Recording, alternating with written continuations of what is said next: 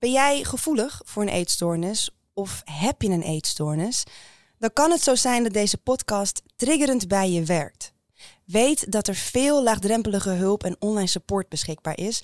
Een overzicht daarvan vind je op de website firstaidkit.nl onder het kopje hulp zoeken. Maar eigenlijk weten we als maatschappij nu, zeker onze generatie en nog jonger, weten we eigenlijk donders goed dat als we die gym binnengaan, dat er overal spiegels hangen en we weten precies welke oefeningen we moeten doen om een bepaalde spiergroep te laten groeien of te laten krimpen.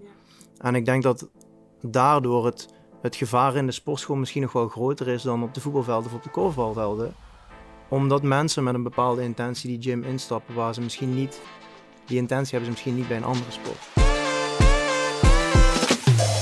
Welkom bij de First Aidcast, de podcast waarin we samen met inspirerende gasten en ervaringsdeskundigen een eerlijk gesprek voeren over eetstoornissen. Het is hoog tijd om het stigma rond eetstoornissen te doorbreken, want als we elkaar beter begrijpen, kunnen we elkaar ook beter helpen. Welkom bij de First Aidcast, de podcast waarin we samen met bijzondere gasten en ervaringsdeskundigen een eerlijk gesprek gaan voeren over eetstoornissen. Want als we elkaar beter begrijpen, dan kunnen we elkaar ook beter helpen. Sporten, ja, ik bedoel, regelmatig bewegen is goed voor je. Je zit er lekker door in je vel, je krijgt er heel veel energie van. Maar wat nou als dat omslaat in een obsessie? Maar dat doe ik niet alleen. Daarvoor zit ik hier met Ricky Frisse. Kan jij misschien vertellen waarom jij hier zit?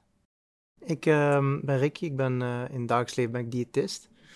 En dat ben ik eigenlijk niet zomaar geworden. Ik ben ehm, vijf jaar geleden behandeld voor een eetstoornis, uh, binge eating disorder.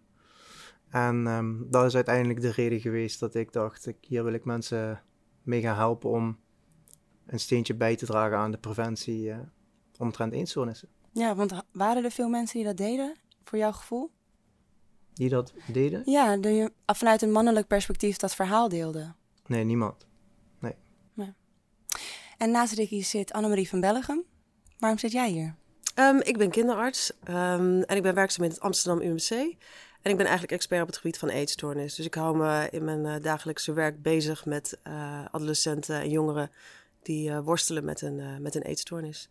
en naast dat ik dat werk als kinderarts doe, ben ik me ook echt hard gaan maken voor deze patiëntengroep, of deze mensen. om te proberen de zorg te verbeteren. Omdat ik denk dat daar nog heel veel winst te behalen valt. Dus ik heb onder andere bijgedragen aan um, een aantal boeken, documentaires. Um, en ben ook een van de, nou ja, de oprichters van, uh, van Kate en uh, de First Aid Kit. Ja. Goed dat jullie er zijn en uh, mij, maar ook mensen die kijken willen helpen om het beter te begrijpen. Zodat we ook de mensen die er misschien mee worstelen ook beter kunnen ondersteunen. Um, of ja, geval aanbieden wat ze misschien nodig hebben. Ik zou graag een paar stellingen aan jullie willen voorleggen. Als fanatieke sporter heb je altijd een obsessie met eten. Wat denk jij, Ricky? Ik denk niet dat het zo is. Ik denk dat het een wisselwerking is. Dus uh, als je gaat kijken naar de, naar de fanatieke sport of de topsport, denk ik dat topsport uh, obsessie en eetproblemen kan uitlokken. Maar ik denk ook dat de mensen die uh, excelleren in topsport, um, misschien soms wel van nature geneigd zijn om dat stapje extra te zetten vanuit een stukje perfectionisme bijvoorbeeld. Ik denk dat topsporten, of in ieder geval fanatiek sporten, uh, los kan staan van um, een obsessie met eten. Maar dat het wel echt heel erg afhankelijk is van verschillende variabelen. Ja, en ik zie jou net instemmend knikken. Ja, nee, het is, het is heel herkenbaar wat je zegt. Ik denk dat, uh, zeker als, als je topsport bedrijft, dat um, voedsel is een essentieel onderdeel van je dagelijkse zijn. En het is je, uh, je brandstof en dus ook uh, datgene wat je nodig hebt om het instrument waarmee je werkt, namelijk je lijf, optimaal te laten presteren. Uh, maar we weten ook dat bij topsport um, dat um, mensen echt de neiging hebben om soms hun lichaam echt ondergeschikt te maken aan het uiteindelijke doel. Namelijk het behalen van een medaille of, of een, een, een snellere tijd neerzetten of iets dergelijks. Um, en dat dus het karakter van iemand met topsport heel erg overeenkomt met dat van iemand die een eetstoornis heeft ja. of kan ontwikkelen. Dus er zit eenzelfde soort kwetsbaarheid. En we weten dus ook dat mensen die topsport bedrijven vaker een eetstoornis ontwikkelen. En hoe zit het dan met de mensen die dus uh, nu gewoon ja, hier de gym in gaan en dus ook heel erg bezig zijn met hun eten? Als we dan kijken naar eh, de relatie tussen obsessie en eten, is die dan minder klein? Omdat die dan, of is die hetzelfde? Nee, ik denk dat je het zo niet kan stellen. Ik denk dat, dat, je, dat iedereen die die sportschool ingaat, heeft een bepaalde relatie tot en met eten en zijn eigen lichaam of zijn of haar lichaam. Um, en ik denk dat er bij een bepaalde groep uh, ook wel degelijkheid, dus of wel degelijk een kwetsbaarheid is en bestaat voor het ontwikkelen van een eetstoornis. Um, en soms dus ook het, het, het echte excessieve sporten daarbij echt een belangrijk onderdeel is geworden van nou ja, jezelf goed voelen, maar ook dus jezelf controleren, managen en, uh, en dus onderdeel is geworden van een eetstoornis en van een veel groter onderliggend probleem. Want als ik kijk naar mezelf, merk ik dat uh, wanneer ik bijvoorbeeld meer aan het sporten ben, dan ben ik ook bewuster in ieder geval van mijn eten. Uh, en denk ik er dus vaker aan dan wanneer ik bijvoorbeeld niet sport, omdat ik dan veel meer gewoon eigenlijk kook waar ik op dat moment trek in heb. Dus daarom was ik heel erg benieuwd hoe jullie hiernaar keken, omdat ik inderdaad ook niet denk dat het per se hand in hand gaat met elkaar, maar er liggen wel veel gevoeligheden en de, de kans bestaat natuurlijk wel dat je doorslaat als je dus misschien daar al ja. ja. Ik denk persoonlijk dat het grote verschil, en ik weet niet of jij het daarmee eens bent, maar ik denk dat het grote verschil zit in uh, de sportschool en een andere sport. Op het moment dat je vaak op jongere leeftijd aan een andere sport begint, dan is er geen overtuiging dat jij die sport gaat doen om je lichaam te veranderen. Dus je rolt in de sport eigenlijk, omdat die sport jou leuk lijkt. Kom je op een hoger niveau, dan zijn er trainers of diëtisten die zeggen: Oké, maar als jij het net even die 5% extra eruit wil halen, dan moet jij op je, uh, op je eten gaan focussen. En dus ook op je lichaam. Maar eigenlijk weten we als maatschappij nu, zeker onze generatie en nog jonger, weten we eigenlijk donders goed dat als we die gym binnengaan, dat er overal spiegels hangen en we weten precies welke oefeningen we moeten doen om een bepaalde spiergroep te laten groeien of te laten krimpen. Ja. En ik denk dat daardoor het, het gevaar in de sportschool misschien nog wel groter is dan op de voetbalvelden of op de korfbalvelden omdat mensen met een bepaalde intentie die gym instappen, waar ze misschien niet, die intentie hebben ze misschien niet bij een andere sport. Ja, dat is iets wat, wat, wat wel degelijk een rol speelt. Maar het is ook zo dat bepaalde andere sporten, waarbij uiterlijk bijvoorbeeld uh, ook belangrijk is. Um, of een bepaald gewicht, een bepaalde gewichtsklasse. Uh, ik bedoel, uh, judo is dat, maar bepaalde andere sporten zoals turnen of dansen, ballet, weten we ook van dat, dat uh, bij die sporten ook eetstoornissen vaker voorkomen. Maar ik denk wat, wat, wat je benoemt, het gaat natuurlijk ook heel erg over de esthetiek. Hè, van wat, wat vinden wij een ideaal lichaamsbeeld en waar streven we dan met z'n allen naar? Um, en, en wat ik het risico vind, kijk, bij topsport zit er, precies zoals jij zegt, Ricky, daar zit een team van mensen omheen die vaak letten op de sporter en letten op wat er nodig is om die persoon zowel mentaal als lichamelijk goed te houden en gezond te houden. Maar dat is niet het geval als je daar in je eentje in een sportschool staat uh, te ploeteren en, te streven naar een, een, bepaald plaatje wat jij voor ogen hebt. Uh, en daar zit vaak heel veel eenzaamheid aan gekoppeld. En, en ook. Um, en dus ja, nou, verborgen leed of hoe je het ook wil noemen. Maar dat kan heel lang blijven bestaan voordat mensen dat, uh, andere mensen dat ook oppikken en daar iets van zeggen. Of, of je daar zelf überhaupt iets over durft te gaan zeggen. En wat vinden jullie van de stelling: een eetstoornis is een vrouwenziekte? Kijk ik gelijk naar de man aan deze tafel natuurlijk. Ja. ja. ik snap waar die vandaan komt. Um... Vertel, waarom, waarom vind jij dat het waar die vandaan komt? Waar nou, omdat, om, komt? omdat um, als we puur naar statistiek gaan kijken, dan is bijvoorbeeld anorexia en bulimia is wel nog overwegend vrouw wat we weten tot nu toe. En natuurlijk veranderen die cijfers enigszins. En ik ga er. Ik moet natuurlijk voorzichtig zijn in mijn uitspraken, maar gezien de, de populariteit van de fitness, denk ik dat die verschuiving nog wel iets meer plaatsvindt naar iets meer mannen. Maar als we gaan kijken naar binge eating disorder, uh, die bij mij gediagnosticeerd is, ja, dat, is, dat ligt al veel dichter bij elkaar tussen mannen en vrouwen. Dus is het een vrouwenziekte? Nee, maar op het moment dat je er niets van af weet, kan ik wel begrijpen waar de stelling vandaan komt. Ja. En waarom is het dan minder zichtbaar? Spreken mannen zich minder snel uit erover? Ik denk dat als je alle cijfers zou hebben, dat er daadwerkelijk ook wel meer vrouwen zijn. Um, maar als er heel veel mannen zijn die lijden aan een eetstoornis, dan wordt er wel gewoon extreem weinig over gepraat. En als er niet over gepraat wordt, kan er ook niet gediagnosticeerd worden, zeg maar. Um, en het heeft bij mij zelf ook wel tot een toppunt moeten komen voordat ik dacht: oké, maar het is gewoon niet eens meer leefbaar. En dan ga ik pas nadenken over het praten erover, zeg maar. Dus ik denk dat het bij een man heel ver moet komen voordat je überhaupt denkt aan kwetsbaar opstellen. Ja, herken jij dat? Ja, en het, het heeft ook dus het heeft heel sterk met, het, met de, de echte actuele cijfers te maken. Dus dat we inderdaad van anorexia weten dat daar dat de verhouding gewoon anders ligt. Dus dat er 9 staat tot 1 ongeveer is. Uh, vrouw staat tot man. Maar en, en precies wat Rikke benoemde, bij andere uh, eetstoornissen ligt dat, liggen de verhoudingen wat anders. Maar overal uh, zijn er meer vrouwen gediagnosticeerd of worden er meer vrouwen gediagnosticeerd met een eetstoornis dan mannen. Maar het heeft er zit ook een enorm stigma uh, op. Uh, of er hangt een enorm stigma natuurlijk aan, aan eetstoornissen, anorexia. En in de maatschappij wordt dus ook dat beeld uitgedragen. Dus um, dat, dat, dat is iets wat natuurlijk niet alleen de persoon die zelf de eetstoornis heeft voelt, maar ook de hulpverleners die het moeten diagnosticeren, of de ouders, of de, de eerste lijn die eromheen staat. Er wordt gewoon simpelweg niet zo snel aan gedacht. Omdat Um, omdat we gewoon er altijd van uitgaan dat iemand met een eetstoornis, een, even heel erg stereotyp, maar een uh, blond meisje van 16 is uit uh, een hoog milieu. En dat is dus niet zo. Um, en, maar daardoor zie je dus dat er een vertraging zit, zowel bij de persoon zelf als bij de hulpverlener, in het vaststellen van, uh, van de eetstoornis. En dat stukje schaamte, maar ook de gedachte van wat wij als maatschappij vinden van mannelijkheid en vrouwelijkheid. Um, ja, dat, dat is allemaal niet bijdragend aan het sneller open, je openen over wat, wat er bij je speelt. Uh, dus ik vind dat daarom het feit dat wij het hier nu over hebben en dat bijvoorbeeld mensen zoals jij uh, in de openheid kunnen vertellen over wat het is, wat het inhoudt, hoe het zich openbaart, is waanzinnig belangrijk. Ook omdat het zich vaak anders openbaart. Dus bij, bij mannen zie je vaker dus dat ze streven naar uh, heel, een heel lean lijf. Dus heel weinig, uh, veel, veel spiermassa en weinig vet. En bij vrouwen is dat, uh, zie je vaak toch wat anders. Is het veel meer gericht op, nou ja, toch echt meer... Um, ja, tegenwoordig is het natuurlijk curvy op the right places, maar vooral fit. Um, maar dat, dat, dat is een andere manier. Dus mannen zullen eerder misschien de sportschool ingaan en shakes gebruiken en allerlei andere manieren om dus dat doel te bereiken. En bij vrouwen zie je vaak net een andere manier van presentatie. En we hadden het net al een beetje over, over de norm, zeg maar, een bepaald schoonheidsideaal wat er is. Als jullie dan kijken naar de stelling, gezondheid komt maar in één maat. Wat denken jullie dan? Bullshit. ja. Bullshit hoor ik? Tuurlijk. Ja. Je, je kunt gezondheid niet vangen.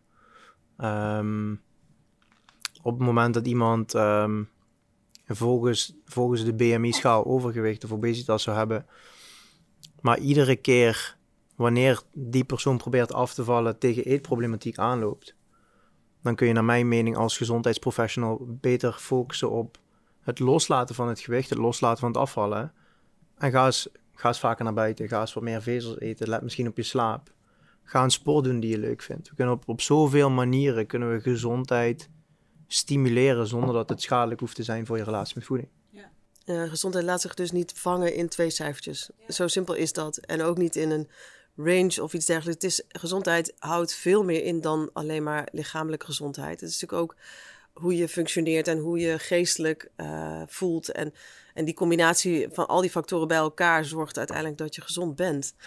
Um, en daarvoor heb je wel nodig dat je lijf uh, oké okay is en, en dus een bepaalde, nou ja, ik zeg het maar, een bepaalde massa moet hebben. Maar um, ik probeer ook heel erg ver van die cijfers weg te blijven. Want dat is, denk ik, dat is ook wat iemand met een eetstoornis doet. Die focust ook extreem op cijfers, getallen, omdat dat een bepaalde, ja, uh, controle geeft of, of grip op de situatie. Maar dat uiteindelijk is dat het natuurlijk niet. En moet het veel meer gaan over waarom je die behoefte hebt. Want hoe kijken jullie dan bijvoorbeeld naar BMI? Is dat iets wat jullie een waardevolle ja, soort van meetlat vinden of niet? Nee. Want ik, ja, ik... is dat de kinderartsen en de, de internisten vaak dat helemaal niet zo vinden, maar dat de persoon zelf die uh, enorm worstelt met de eetstoornis daar natuurlijk heel erg uh, vaak in het begin gefixeerd op is. Uh, maar de omgeving dus mee gaat doen. Ja. Um, maar ik moet zeggen, ook in eetstoornisland, in, in de, de, bij de professionals, is dat wel vaak wat in de, de protocollen en de, de standaarden staat. Hè, wat, wat een soort, het geeft een bepaalde maat van, van hou vast, denk ik. Maar ik vind het dus niet zo relevant. Het is voor mij belangrijker dat iemand toewerkt naar een gezond en goed functionerend lichaam, waarbij alle organen weer op niveau zijn en het doen. Dus ik hou daar niet zo aan vast. Maar ik weet wel dat we natuurlijk conform alle zorgstanden, standaarden daar nog wel. Uh, het, het, geeft wel een bepaalde richting, maar het is echt niet alleszeggend. En ik mag hopen dat, nou ja, ik denk dat het voor jou ook zo is, toch? Ja, en ik denk, ik sta dan iets meer aan de, de, de praktische, minder klinische kant. Ja. Dus het, het eerste wat in mij opkomt is, oké, het zegt waarschijnlijk dus wel iets in denk ik, in een diepe anorexia-behandeling, toch? Ja. In ieder geval, het zegt iets met betrekking tot gezondheidsstatus. Maar ik ben het zeker met je eens dat het niet allenszeggend is. En als we gaan kijken, naar mijn mening, naar de, naar de subklinische of de niet-klinische populatie in Nederland, dan moeten we eigenlijk helemaal niet met BMI bezig zijn. Nee. Dan moeten we veel meer bezig zijn met het stimuleren van beweging, eh, minder gaan zitten en andere leefstijlfactoren. Maar dan moeten we ons niet focussen op een, op een getal. Ricky, jij bent een paar jaar geleden in een korte tijd heel veel afgevallen. Je was toen begonnen met bodybuilding. Wanneer merkte je dat je mentale problemen aan het ontwikkelen was? Mm, de vraag is wanneer ik het daadwerkelijk merkte versus wanneer ik denk dat ik had kunnen merken. Want, Nou, er zit dus een verschil tussen. ja, ja, je hebt ehm, naar mijn mening op, in, in dat proces echt wel een plaat voor je kop. Ehm, ik ben een keertje eh, terug gaan denken over de, over de timeline, want ik heb mijn verhaal vaker moeten vertellen en ik wilde dat het klopte. En toen ehm, had ik een half jaar voor de bodybuilding wedstrijd, dus ik was halverwege mijn afvaljourney, zeg maar. Halverwege had ik een, ehm, een bericht gestuurd via Facebook Messenger naar een, naar een grote bodybuilder in Amerika met de hulpvraag. Ik mag één keer per week van mijn coach losgaan. En met losgaan bedoel ik, ik, mag, ik ben vrij in wat ik mag eten, want de rest van de week was volgens voedingsschema. Maar ik kan mezelf dan niet controleren. Kan je me daarbij helpen? Hoe doe jij dat? En dat was eigenlijk halverwege toen ik voor mezelf nog heel erg in de rol zat. Ik ga een bodybuilder worden, ik ga zeker worden van mijn lijf en dat is hoe mijn wereld eruit ziet. Dus achteraf gezien had ik toen al meerdere rode vlaggen kunnen zien, maar die heb ik niet gezien. En zelfs na die wedstrijd ben ik in twee maanden tijd weer 20 kilo aangekomen, omdat ik, ik kon gewoon niet stoppen met eten. En zelfs toen kon ik niet objectief naar de situatie kijken en zei ik eigenlijk tegen mezelf, oké, maar als ik gewoon nog een doel stel, als ik gewoon nog een wedstrijd ga doen, dan zijn die eetbuien gewoon verleden tijd. Want ik was ervan overtuigd dat het een disciplineprobleem was. Ik had gewoon geen doel. En als ik een doel heb, dan is het weer opgelost. Ja. Dus ik denk dat de omgeving over het algemeen wel makkelijker signalen kan oppikken dan dat je het zelf kan in die situatie. Maar als iemand dat dan tegen je zei, hoe reageerde je daar dan op? Begreep je waar het vandaan kwam of had je echt inderdaad die bord voor je kop? Nee, ik, ik kon dat niet begrijpen, want ik woonde nog thuis. En ehm, ik kwam thuis van de sportschool en ik had acht eieren gekookt. En we hadden nog gewoon rauwe eieren thuis. Ik had acht eieren gekookt en mijn vader had er eentje opgegeten. Dus het enige wat ik moest doen, is een, als ik dat wilde, één nieuw ei koken. En ik ben volledig uit mijn plaat gegaan. Wat hij wel niet dacht om die eieren die ik gekookt had op te eten. En dan ben ik vaker in gesprek gaan met mijn ouders van, oké, maar Ricky, vind je dat normaal, hoe jij met eten omgaat? Vind je dat echt normaal? Maar ik schoof alles onder toewijding en dedication, want dat was wat het was, naar mijn mening. En dat werd door mijn omgeving gevoed. Want het, de enige mensen die ik nog had toen dat tijd, waren mensen in de sportschool. En mensen in de sportschool zeiden, oh, ik zou het je niet na kunnen doen. Je bent goed bezig. Precies. Ja. precies. Dus, Ja. dus mijn, hetgeen wat ik als toewijding zag, wat eigenlijk een obsessie werd, werd ook alleen maar gevoed als zijnde toewijding. Ja. En dat lijkt me ook heel lastig, want ik bedoel, voor de buitenwereld is je lichaam aan het transformeren. Je ziet er goed uit, je lijkt fit.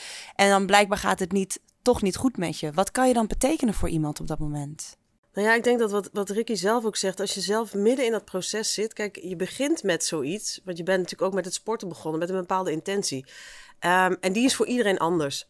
Maar in die end, als je doorslaat, dus als je merkt dat het echt obsessief wordt en dat je niet meer, of dat je echt dwangmatigheden daarin ontwikkelt en, ehm, en ontzettend in de stress raakt op het moment dat het anders gaat dan dat jij voor ogen had, dat is dat die spanningen die dat met zich meebrengt, dat, dat pik je op als, als eh, familielid of als vriend of als.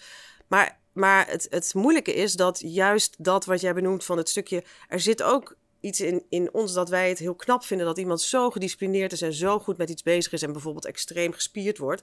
Ehm, dat we eerst daar, daar overheen of daardoorheen moeten kijken om ook te zien of iemand daadwerkelijk nog wel happy is of lekker in zijn vel zit en ehm, de dingen doet omdat hij daar uiteindelijk ook gelukkiger van wordt. En wat ik zo van jou hoor, is, is het is natuurlijk een glijdende schaal.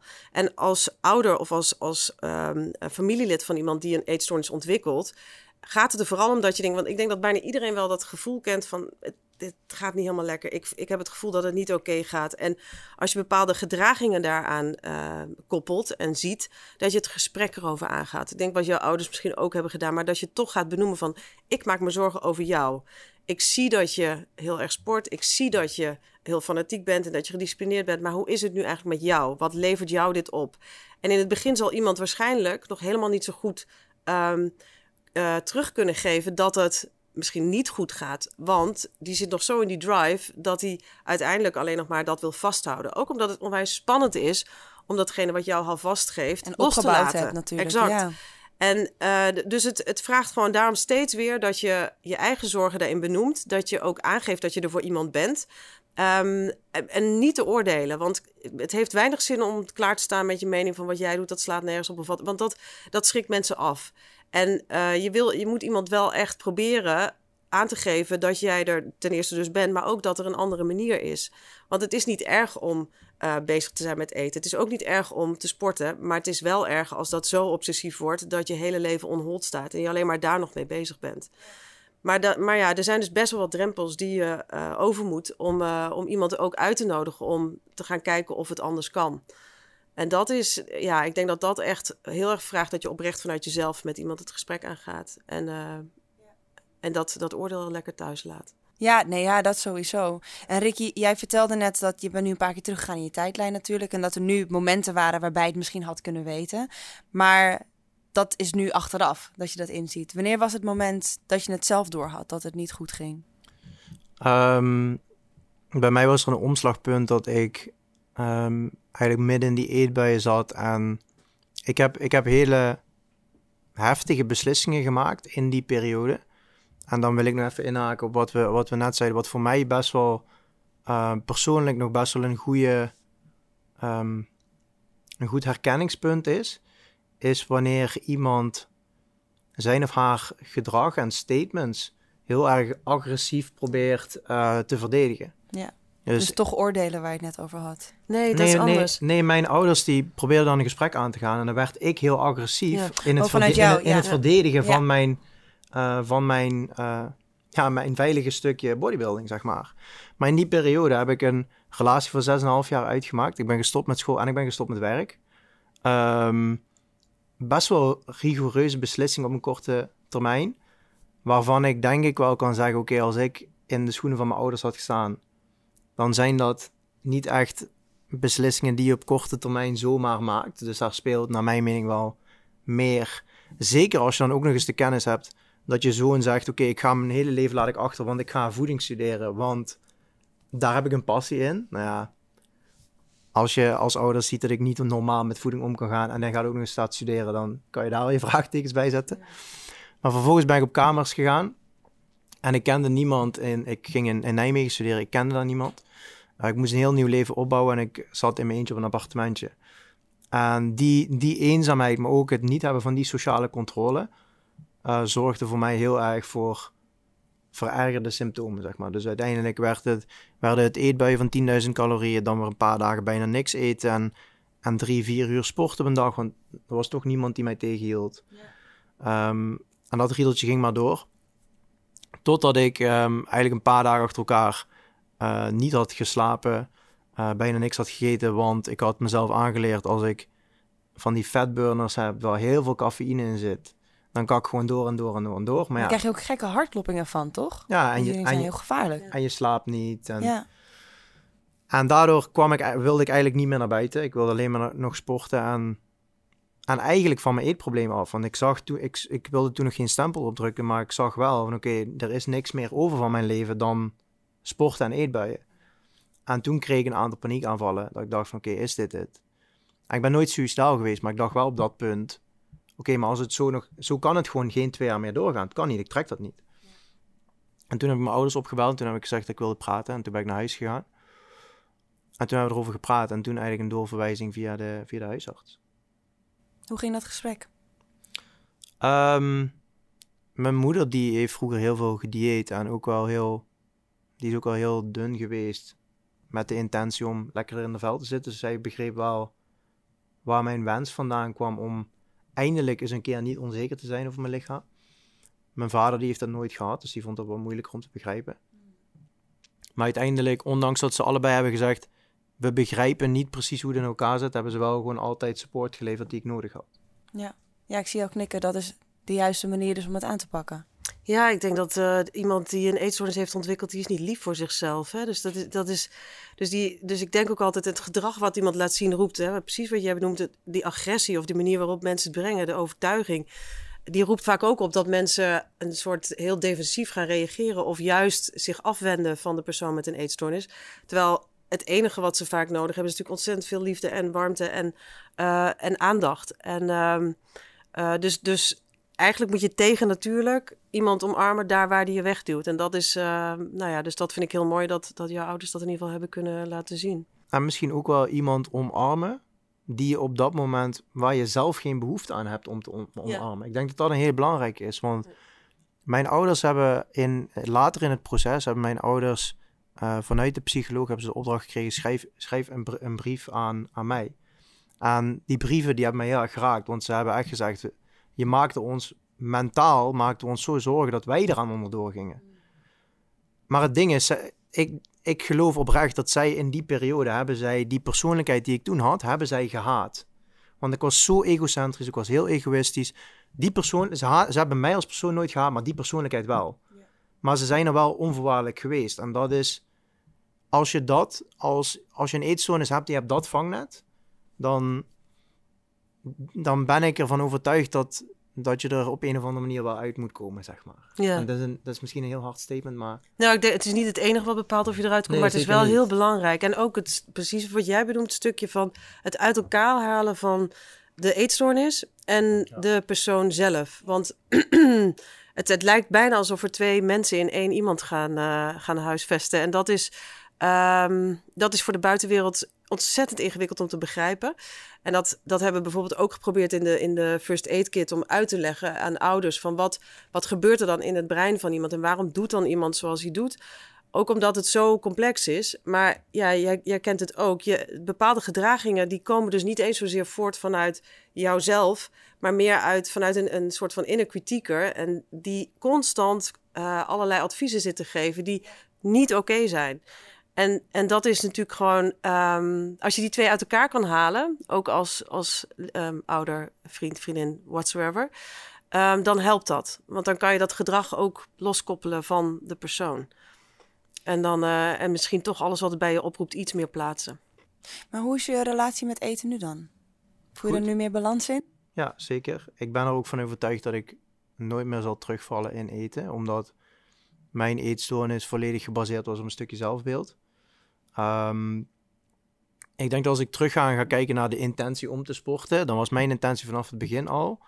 Um, ik heb een, een hele um, masculine omgeving. Dus mijn vader en mijn broertje zijn best wel masculine.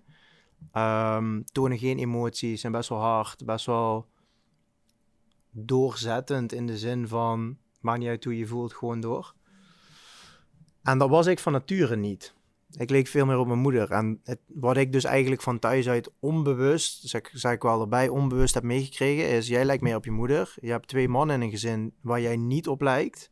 Maar dat worden wel onbewust de persoonlijkheden zoals een man eruit zou moeten zien. Ja, of niet waaraan per, niet jij je wil meten, soort van. Ja, precies. Niet per se qua uiterlijk, maar ik ben um, ten opzichte van mijn broertje uh, heel intelligent, maar hij is heel handig.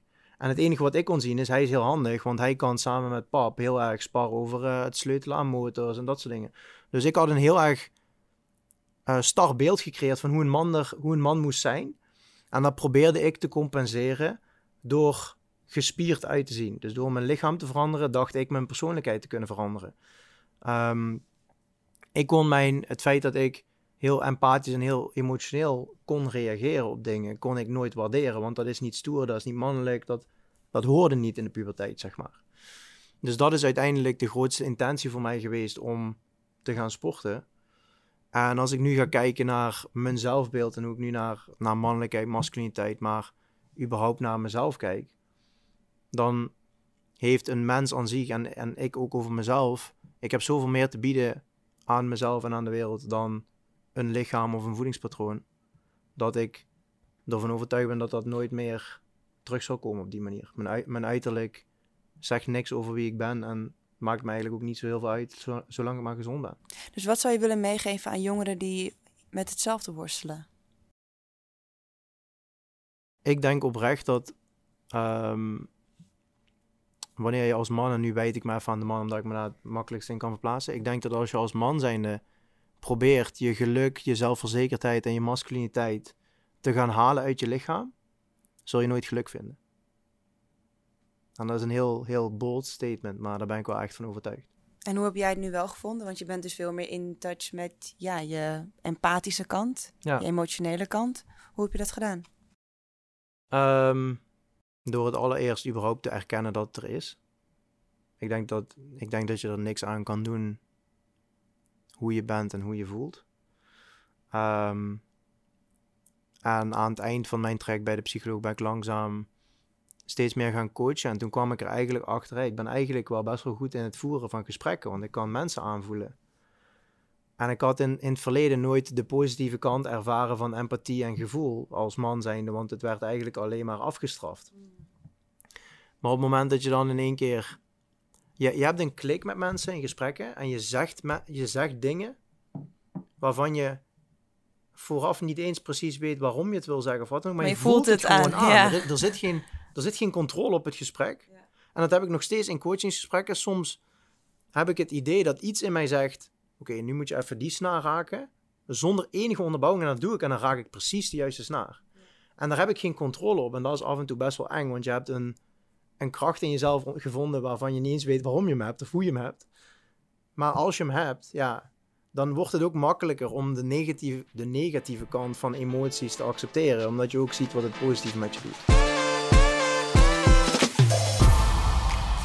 Ik zou samen met jullie even willen kijken naar de best en de worst days. Als het even aankomt op eetstoornissen. En dan niet zozeer over hoe je eruit zag, want dat kan best wel triggerend werken. Uh, maar meer van hoe je je op dat moment voelde. Dus uh, Ricky, laat ik dan bij jou beginnen. Op welk moment voelde jij het meest angstig of eenzaam tijdens je eetstoornis? Zoals ik net al zei, um, ik werkte, ik werkte s'nachts bij de, bij de sportschool. Want daar had je ook nachtdiensten. En ik was net aan mijn studie begonnen. Voeding en diëtetiek. Dus ik wilde ook altijd naar school gaan.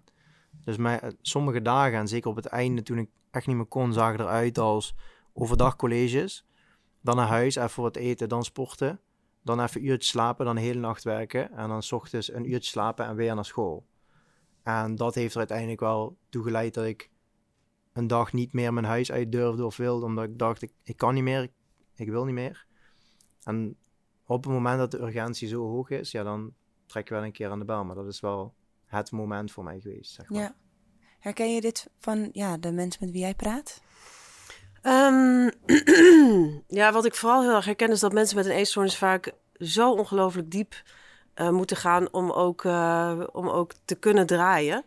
Um, en dat het dus ontzettend eenzaam is. Want het proces wat, waar ze in balans zijn, zorgt ervoor dat, ze vaak, dat er vaak veel schaamte en schuldgevoel ook aangekoppeld zit. Hè? Want uh, ja, dat, het gedrag wat je vertoont, bijvoorbeeld eetbuien hebben, is natuurlijk iets waar mensen vaak niet trots op zijn. Of alle, alle, allerlei andere gedragingen. Ja, het is gewoon niet, dat is gewoon niet cool. En daar wil je het niet over hebben. Um, dus, dus het feit dat mensen zich daar zo schuldig over voelen, zorgt er ook voor dat ze uh, vaak nog verder vastdraaien. Um, dus ja, ik vind ook, want je benoemde net van ik ben dan niet suicidaal geweest. Maar ik denk dat er zijn toch ook echt wel heel veel mensen die zo somber zijn dat ze het soms ook niet meer zien zitten daardoor. En ik, uh, nou ja, dat is natuurlijk extreem verdrietig als je ook als je mensen niet meer kan bereiken. Uh, dus dat vind ik eigenlijk wel altijd een, een, dieptepunt. Als je merkt dat iemand zo overgenomen is door zijn eigen, zijn of haar donkere gedachten, uh, dat je, dat je eigenlijk tegen een ja, een, een, bijna niet menselijk mens meer praat, vind ik dat uh, altijd heel verdrietig.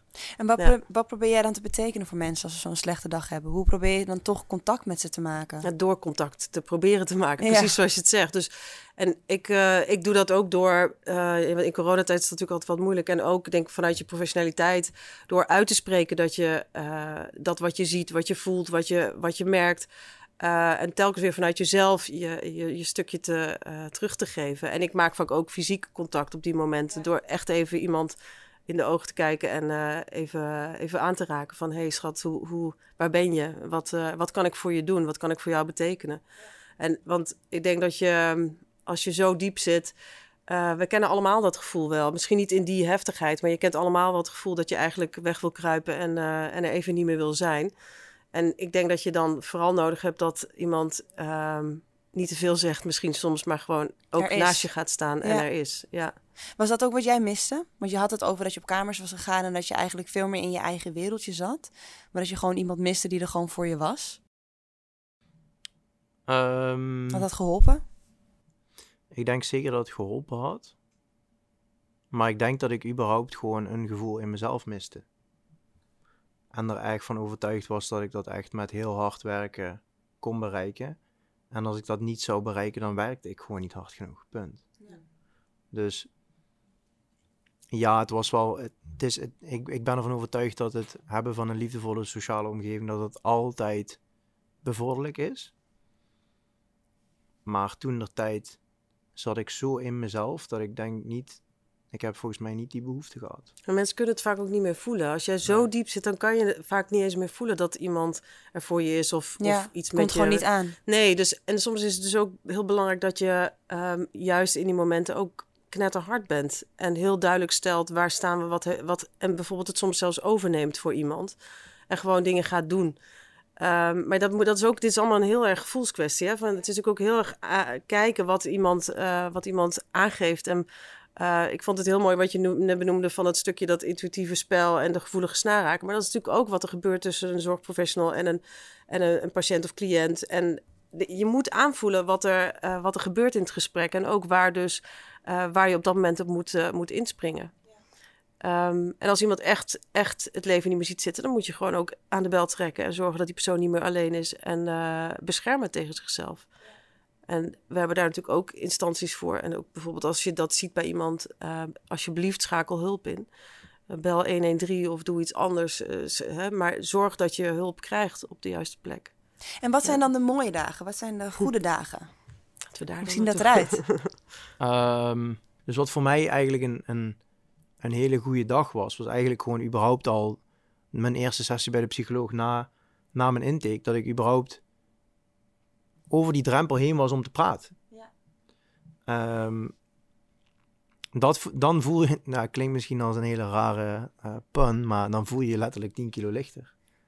Um, dat, is, dat is wel echt een rugzak die je met je meedraagt. En naar je ouders toe, in ieder geval ik naar mijn ouders toe, kunnen uitspreken hoe je je daadwerkelijk voelt en waar je, waarvan je denkt dat het, waardoor je denkt dat het allemaal komt. En weer verbinding kunnen maken met je ouders na zo'n lange tijd mensen hebben weg, afgesloten, dat is voor mij wel heel waardevol geweest. Annemarie, als je kijkt naar jouw ervaring met uh, cliënten die overmatig bewegen, wat, wat valt je dan op? Um, in wat voor zin? Nou ja, wat zijn de verhalen die ze vertellen? Wat, zijn, uh, ja, wat is het idee dat zij ervan hebben? Wat het zou moeten zijn? Nou, ik denk dat, kijk, een, e- we hebben het bijna altijd over een eetstoornis, maar het, het is eigenlijk niet alleen een eetstoornis, het is een uh, een eet- en beweegstoornis. Want bijna alle mensen die met eten worstelen, worstelen ook met bewegen. Um, en de een zet het in als compensatie voor de hoeveelheid energie die hij binnenkrijgt. En de ander die doet het vanuit een heel dwangmatige uh, structuur. Weer een ander doet het om heel gespierd te worden. Maar het, het, het gaat bijna altijd hand in hand. En uh, daar zit ook een biologische component in. Dus dat als we weten dat als mensen uh, onder voet raken, dat ze ook vanuit puur biologische zaken uh, nog meer willen bewegen. Het voelt heel tegen natuurlijk, ja. maar dat is wel zo. En, um, en, maar we zien gewoon dat, dat bewegen, dat hoort gewoon een, een gespreksonderwerp te zijn bij mensen die worstelen met eten. Um, en ik denk dus ook dat, uh, uh, dat de verhalen die je hoort en, en de, gedragingen die je ziet, um, er zit overlap, maar er zit ook veel verschil. Maar dat compenseren voor iets zit er vaak bij. Het krijgen van energie daarna of het belonen. Hè, dat, dat stukje, er worden endorfines vrijgemaakt, dus je voelt je daarna vaak ook beter. Dat hoor je veel bij mensen. Maar ook, ook dus heel veel uh, verdriet en, en dwangmatigheid. Uh, dus het is gewoon belangrijk ook daarin met mensen het gesprek aan te gaan. Wat, wat betekent het voor jou? Hoe, hoe ga je eigenlijk om met je bewegen? Dus niet alleen hoe ga je om met eten, maar ook hoe ga je om met bewegen. Heb je meer last van bewegingsdrang, onrust, zeg maar? Hè? Want die onrust, wat als je niet mag bewegen? Ehm, en hoe gaan we dat fixen? Want dat is natuurlijk ook iets wat eigenlijk dus net zoveel aandacht moet krijgen als alleen al dat eten. En merken dat ze allemaal dan een bepaald lichaamsbeeld een soort van nastreven? Of hebben ze allemaal andere, um, hoe zeg je dat, motivaties om uh, meer te gaan sporten of op een andere manier te gaan eten? Ik denk dat uh, de, de, intentie waar, waarmee mensen iets gaan doen, die kan natuurlijk heel verschillend zijn. Maar, maar de onderliggende zaken, die zijn vaak wel heel erg overlappend. Dus het is een manier om met emoties om te gaan. Het is een manier om grip te houden op zaken. Het is een manier om dingen te controleren. Het is een, een manier om te streven naar een ideaalbeeld. Want, maar dat is alweer een stapje verder. Hè? Want daaronder zit natuurlijk eigenlijk dat grote ding van... ik ben gewoon niet goed genoeg. Of ik ben, ik ben niet, niet oké zoals ik nu ben. Of ik heb, uh, ik heb heel veel moeite met het leven, ik snap er niks van. Maar ik ga me richten op iets waar ik wel wat van snap. En dat is hoeveel eten ik in mijn mond stop en hoeveel ik beweeg. Dus, En dat zijn de onderliggende zaken, en we noemen dat al als de functie van de eetstoornis, waar je het dan over hebt met elkaar. Uh, en doordat we maar steeds blijven focussen op die cijfers en op alles wat daarna komt, um, wordt soms niet goed gekeken naar wat dan daarachter zit en wat dus de functie is. Dus ik denk dat um, je moet daar ook aandacht voor hebben, zeker. Want je moet het meenemen, je moet dat lijfelijke stuk aandacht geven. Je moet al die patronen aandacht geven. Maar het gaat veel meer ook over waarom doe je wat je doet. En wat heeft jou daartoe uh, aangezet. Dat is bij jou dat zelfbeeld bijvoorbeeld. Maar wanneer hebben we het dan bijvoorbeeld over overmatig sporten? Want ik heb bijvoorbeeld ook vorige week allemaal troep gegeten. En toen dacht ik, ja, ik ga deze week ga ik weer sporten. En dan heb ik allemaal weer ingepland dat ik van, weet ik veel, vijf of zes dagen lang wil ik naar de sportschool en wil cardio doen. Heel vaak haak ik af, daar niet van. Maar wanneer kan je dan spreken van overmatig sporten? Want voor de ene is iedere dag naar de gym gaan gewoon heel erg normaal. En dan zijn ze fit en sterk voor, door. En voor de ander kan het misschien dan wel te veel zijn. Begrijp ik dat dan goed? Ja, maar de definities voor overmatig sporten die zijn dus ook nogal wisselend. En um, ik denk waar je vooral rekening moet houden is dus hoeveel impact het heeft op je, op je gewoon, gewone leven. Um, en, en dus met name ook of je het nog kan laten. dus als er een omstandigheid is waardoor het niet kan, hoeveel spanningen dat dan bij je oproept. Want ik weet zeker dat in die periode dat je zeg maar zo diep zat, dat op het moment dat jij niet kon sporten, dan was dat heel, heel, heel ingewikkeld. Het, het, was gewoon niet eens een optie. Het was niet, nee. En dat, dat is denk ik ook wel, want dat gevoel wat je daarbij krijgt, dat is denk dat herken jij misschien niet zo, hoop ik tenminste voor je. Maar... Nee, niet op die manier, maar ik heb wel gehad dat ik daar heel graag bijvoorbeeld wilde sporten, omdat ik dacht van, nou, ik zit niet zo lekker in mijn vel en als ik meer ga sporten en beter eet, dan gaat dat vast beter. En als ik dan niet had gesport, dan kon ik heel teleurgesteld zijn in mezelf. En op een gegeven moment besloot ik dat ik daar klaar mee was, want dat liet me alleen maar nog rotter voelen dan ik me al voelde. Uh, en toen ik merkte dat als ik had, uh, met mezelf had afgesproken dat ik wilde gaan sporten, maar dat kwam, het kwam niet uit omdat ik een lange werkdag had of ik was moe of iets kwam ertussen, dan was dat oké. Toen dacht ik, oké, volgens mij heb ik er nu weer een, een normale rela relatie mee. In plaats van dat het iets is wat heel erg, uh, ja, een soort van een verstikkend of zo kan voelen. Ik, ik, denk dat, ik denk dat als je een keer niet kan gaan sporten of Um, je had een sportsessie ingepland en je komt thuis en je kruipt op de bank en achteraf denk je, oeh, maar de hele avond is al voorbij, ik ben niet gaan sporten. Ik denk dat balen aan zich is niet eens een probleem. Als we gewoon geen context scheppen, dan is balen aan zich is geen probleem. Want je kunt ook balen van niet kunnen gaan sporten op het moment dat je sporten gewoon heel erg leuk vindt.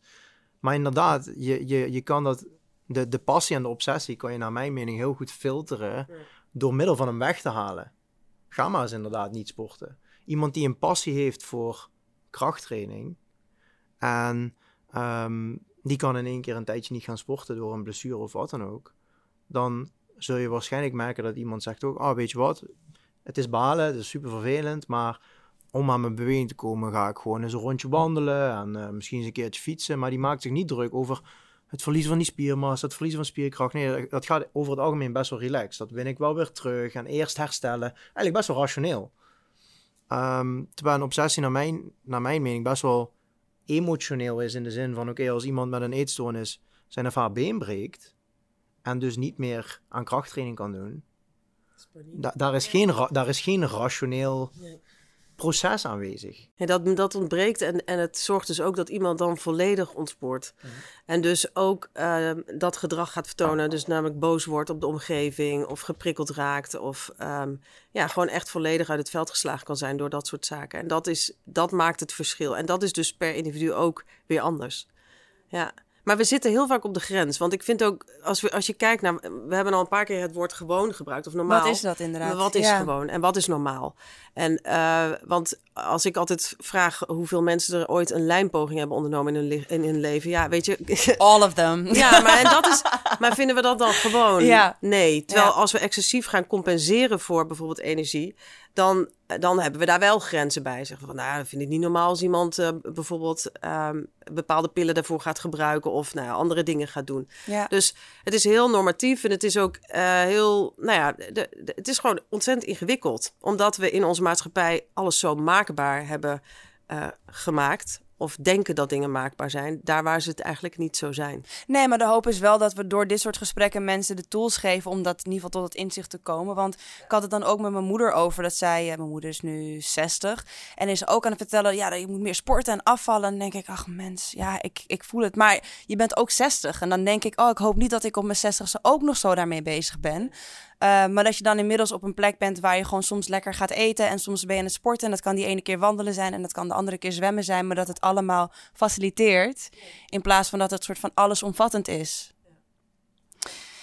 Je hebt ook bijgedragen aan de documentaire Ziek gespierd. Um, hoe kan gezonder eten, afvallen en sporten leiden tot zo'n heftige ziekte?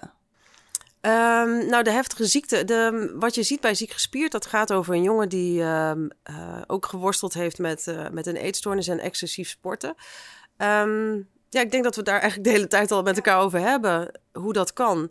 We weten dat er mensen zijn die bepaalde aanleg hebben voor het ontwikkelen van een eetstoornis. en we weten dus ook dat er in de biologie dingen veranderen op het moment dat je, gaat, dat je daarop gaat focussen en jij die kwetsbaarheid hebt, dan kan je daar dus ontzettend hard in doorslaan. Um, en precies door die complimenten die er dan komen en door die biologische processen wordt het steeds ingewikkelder om daaruit te komen. Uh, en hoe langer je dat gedrag hebt volgehouden, ook hoe moeilijker het is om er dus weer verandering in te brengen. Um, dus ja, zo gaat dat. En nou is het gelukkig zo dat niet iedereen die de sportschool ingaat uiteindelijk dus met een eetstoornis thuis komt te zitten. Um, maar als je die kwetsbaarheid hebt, dan ben je dus wel echt, nou dan moet je dus ontzettend goed opletten. En vooral ook eerlijk zijn tegenover jezelf als je merkt dat je die kant op gaat. Dus wat zou mensen kunnen helpen om niet door te slaan? We hadden het net al over dat als je er bijvoorbeeld het sporten wegneemt, dat je heel goed kan zien van, oh, welk gevoel komt er omhoog? Um, dat, zou een hele, was, dat was voor mij ook heel waardevol om voor mezelf te testen. Maar wat zijn andere dingen die mensen zouden kunnen doen om dat te voorkomen? Dat ze doorslaan in dan overmatig sporten of te veel met hun eten bezig zijn. Ik denk vooral ook dus eerlijk zijn naar jezelf. Waarom doe ik wat ik doe? Waarom ga ik die sportschool in? En waarom ben ik hier zo fanatiek bezig? En wat wil ik hier uithalen? Wat heb ik nodig? Um, en, en als je daar echt kritisch naar kan kijken, dan denk ik dat je namelijk heel, heel anders met jezelf zou moeten omgaan. En als ik nu hoor dat jij bijvoorbeeld je krachten hebt weten te vinden in, nou ja, en ook je kwaliteiten ziet. Het zou zo mooi zijn als mensen die met zo, nou, mensen die dus die sportschool ingaan met de intentie om zichzelf beter te maken.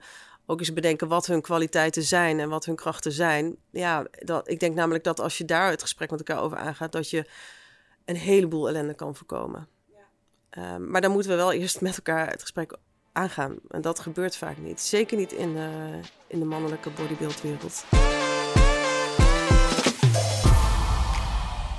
Nou, nu we het toch hebben over wat voor tips we eigenlijk aan mensen zouden kunnen geven. Ik merk dat als je ja, heel erg van iemand houdt die ziet dat die persoon een eetstoornis ontwikkelt, dat het heel erg moeilijk is om uh, te weten wat je wel of niet zou kunnen zeggen of hoe je die persoon het beste kan ondersteunen. Dus hebben jullie misschien een aantal do's van dingen die je wel zou kunnen doen versus wat je beter niet kunt doen? Überhaupt um, denk ik dat iedereen nog beter zou kunnen gaan luisteren. We zijn, en dan ga ik misschien toch even een breukje aan doen. We, gaan, we zijn zo erg geneigd om in een situatie waarin misschien soms wel nood aan de man is, maar in ieder geval wel ernst in de zaak zit, zijn we zo erg geneigd om dat te fixen. Maar die, die fix, die, die, die hebben we niet zomaar. We hebben ook niet binnen één gesprek een oplossing. We hebben niet binnen één gesprek een behandelplan. We hebben niks binnen één gesprek. Het enige wat we kunnen binnen één gesprek is gewoon eens heel goed gaan luisteren.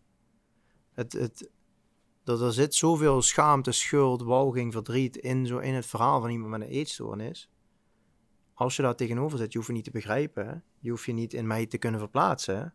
Maar luister oprecht. Dat is, en dat is wat naar mijn mening iedereen kan. Iedereen zou moeten kunnen in ieder geval. Maar wel iedereen toe in staat zou moeten kunnen zijn. En dan kunnen we het heel makkelijk, we kunnen het heel moeilijk maken. Maar luisteren is voor heel veel mensen al moeilijk zat, zeg maar. Laten we daar eens beginnen.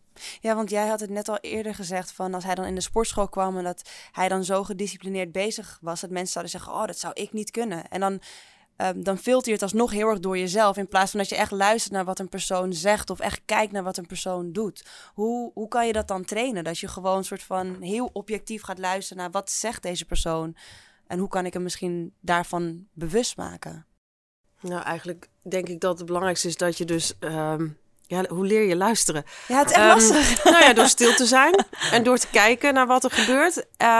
En door altijd uh, nieuwsgierig te zijn. Dus te vragen naar waarom, waarom iemand doet wat hij doet.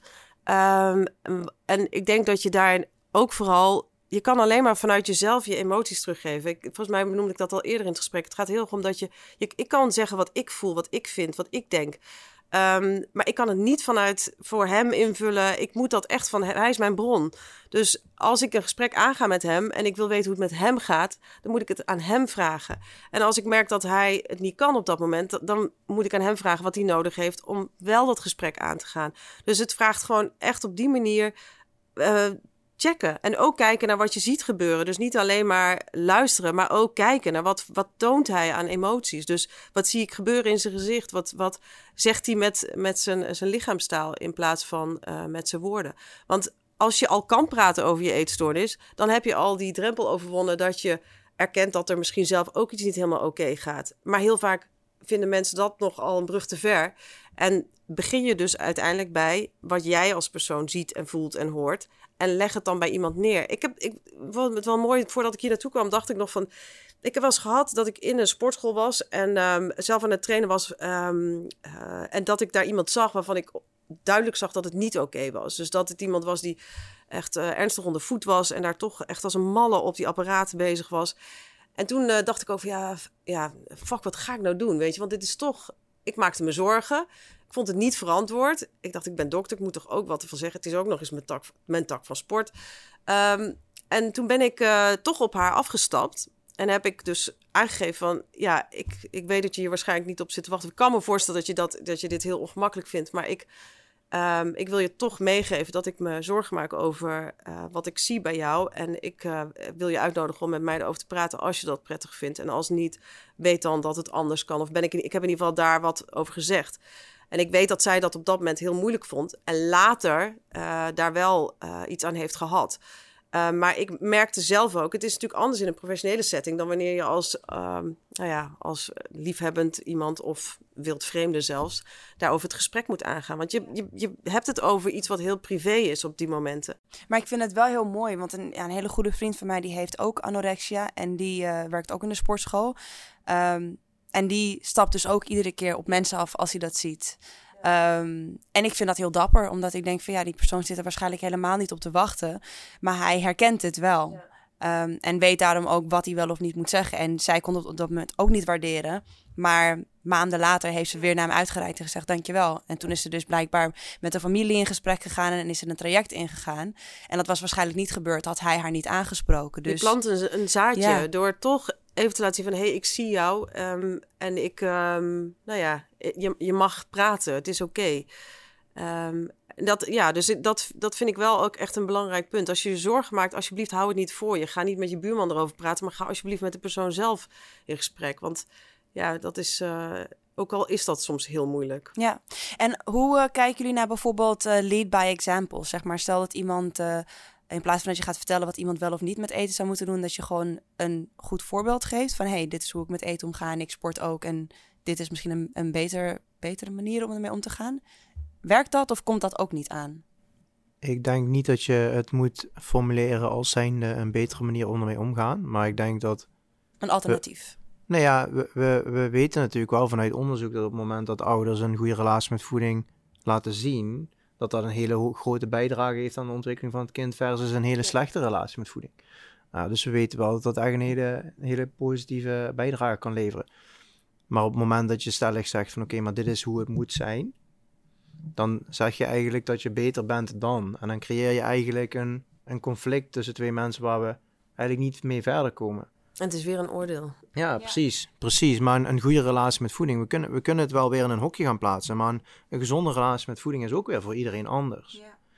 Ja. Um, dus op het moment dat jij ervan overtuigd bent, ik heb een gezonde relatie met voeding en dat betekent in, in dit voor mij, dan is het prima naar mijn mening om dat uit te dragen. Um, kijk jou wel eventjes aan, misschien wel eventjes. Um, misschien is, is het wel goed om daarover in gesprek te gaan met andere mensen in je omgeving. Wat is ja. voor mij een, een, goede relatie met voeding? Ja. Op het moment dat jij denkt dat je een goede relatie met voeding hebt, terwijl het ja, misschien helemaal, niet. Terwijl, terwijl, het misschien helemaal niet is, dan heb je natuurlijk alsnog een niet zo'n heel bevorderlijk um, voorbeeld. Ja. En ervaringsdeskundigheid is denk ik heel, want dat is ook iets wat je, je kan het onwijs mooi inzetten in een, in een behandelplan of een behandeltraject, maar iemand moet daar wel al uh, aan toe zijn. Want vaak in het begin het, is iemand daar helemaal niet. Kijk, en het, het, eten en het bewegen moeten dus wel belangrijke gespreksonderwerpen zijn. Maar eigenlijk gaat het dus helemaal niet zo over dat eten en over dat bewegen. Het gaat veel meer over waarom iemand dat doet. En als je daar met iemand het gesprek over kan aangaan, dan kom je uiteindelijk, komt dit stukje ook wel. Want dan zal de vraag misschien zelfs komen van wat is dan eigenlijk, ja, hoe moet ik dat dan op een normale manier gaan vormgeven? Want ik weet dat eigenlijk gewoon niet zo goed. En dan kan je voorbeelden geven. Ik bedoel, dat, dat vind ik een andere insteek dan wanneer je heel erg gaat focussen op dit is, dit is wat het moet zijn. Hè? En, natuurlijk is het vaak zo dat, zeker bij mensen met anorexia, uh, die zijn zo de weg kwijt met betrekking tot wat ze binnenkrijgen aan energie op een dag. Uh, dat je daar wel een richting aan moet geven. En in het begin wordt die heel strak gesteld. En gaandeweg wordt iemand daar vrij in gelaten. Het is ook weer bijna een soort van leren weer normaal om te gaan met eten. Maar, maar je moet dat echt per persoon ook bekijken. Het moet niet echt alleen maar over dat eten gaan van... nou, uh, dit, is wat, uh, dit is wat gewoon is in de maatschappij. Een soort van de vijf van schrijf. Dit moet allemaal zo, zo werkt het niet. Je mag daar ook je eigen weg uiteindelijk weer in gaan, gaan vinden. Ik, ik denk wel dat op het moment dat iemand nog niet zo ver in het proces is dat, um, dat bijvoorbeeld ouders en, en je naaste familieleden wel een hele positieve bijdrage kunnen leveren door bijvoorbeeld te zeggen: um, wij eten als gezin samen omdat we dat belangrijk vinden om verbinding te maken met elkaar, om te kunnen praten over hoe je dag was, om te kunnen. Het sociale aspect. Ja, ja precies. En dan focus je je misschien niet per definitie op de relatie met voeding, maar dan faciliteert het eetmoment eigenlijk de verbinding. En dat aan zich is ook weer een deel van je relatie met voeding. Ja. Dus ik denk dat als we het hebben over um, positieve factoren binnen een eetstoornis, ben ik het met jou eens. Dan is het misschien soms nog niet de tijd om erop te focussen. Maar als we kijken naar een stukje preventie, ja. is het naar mijn mening wel een hele grote rol. En het is dus wel belangrijk, ja, heel mooi gezegd, maar belangrijk dat um, mensen, bepaalde mensen kunnen in, met een eetstoornis kunnen echt nog helemaal niet eens samen aan tafel zitten met, met uh, bijvoorbeeld familieleden. Dus, maar dit stuk is dus dan ook helemaal kwijtgeraakt en verstoord geraakt. En dat is, uh, ja, dus dat, het, als, je, als je daar weer kan komen met elkaar, is dat, uh, ja, is dat natuurlijk super mooi. Ja, nou lieve luisteraar en kijker, zit je na te luisteren en denk je van, oh, ik herken me heel erg in het verhaal of er zijn dingen die je niet begrijpt. Stuur ons dan even een berichtje. Je kan ons volgen op Instagram, dat is First Aidcast. Uh, daar plaatsen we ook verschillende posts over support, informatie en inspiratie. Maar ik wil jullie in ieder geval heel erg bedanken voor uh, alle inzichten en de verhalen, want uh, wat ik dus nu ook steeds meer leer is dat het dat een eetstoornis soms schuilt in een heel klein hoekje. En dat het heel waardevol is dus om uh, nou, te weten wat voor symptomen er zijn, hoe je, hoe je beter kan luisteren, waar je op moet letten. En dat kleine dingen zoals mensen uh, bijvoorbeeld aan tafel uitnodigen om samen te eten, dat dat al kan helpen om gewoon een, in ieder geval een basis te creëren van wat eten nog meer is. Dat het ook gewoon een moment is van binding en gesprek. En dat het niet alleen maar draait om, om eten. Ja. Dus dankjewel. Uh, ik ben heel erg benieuwd wat jij ziet als je in de spiegel kijkt. Ben je blij of zijn er dingen die je misschien toch anders zou willen hebben? Um, ik kan me voorstellen dat je misschien heel veel informatie te bewerken hebt nadat je dit hebt gehoord, maar weet dat er heel veel hulp beschikbaar is, zeker laagdrempelige hulp. Daarvoor kan je terecht op uh, firstaidkit.nl. Daar hebben we een heel handig document voor je opgesteld. Um, ja, de volgende keer gaan we weer bijzondere mensen uitnodigen om nog meer te leren over eetstoornissen. Dus uh, blijf vooral luisteren. Tot de volgende keer.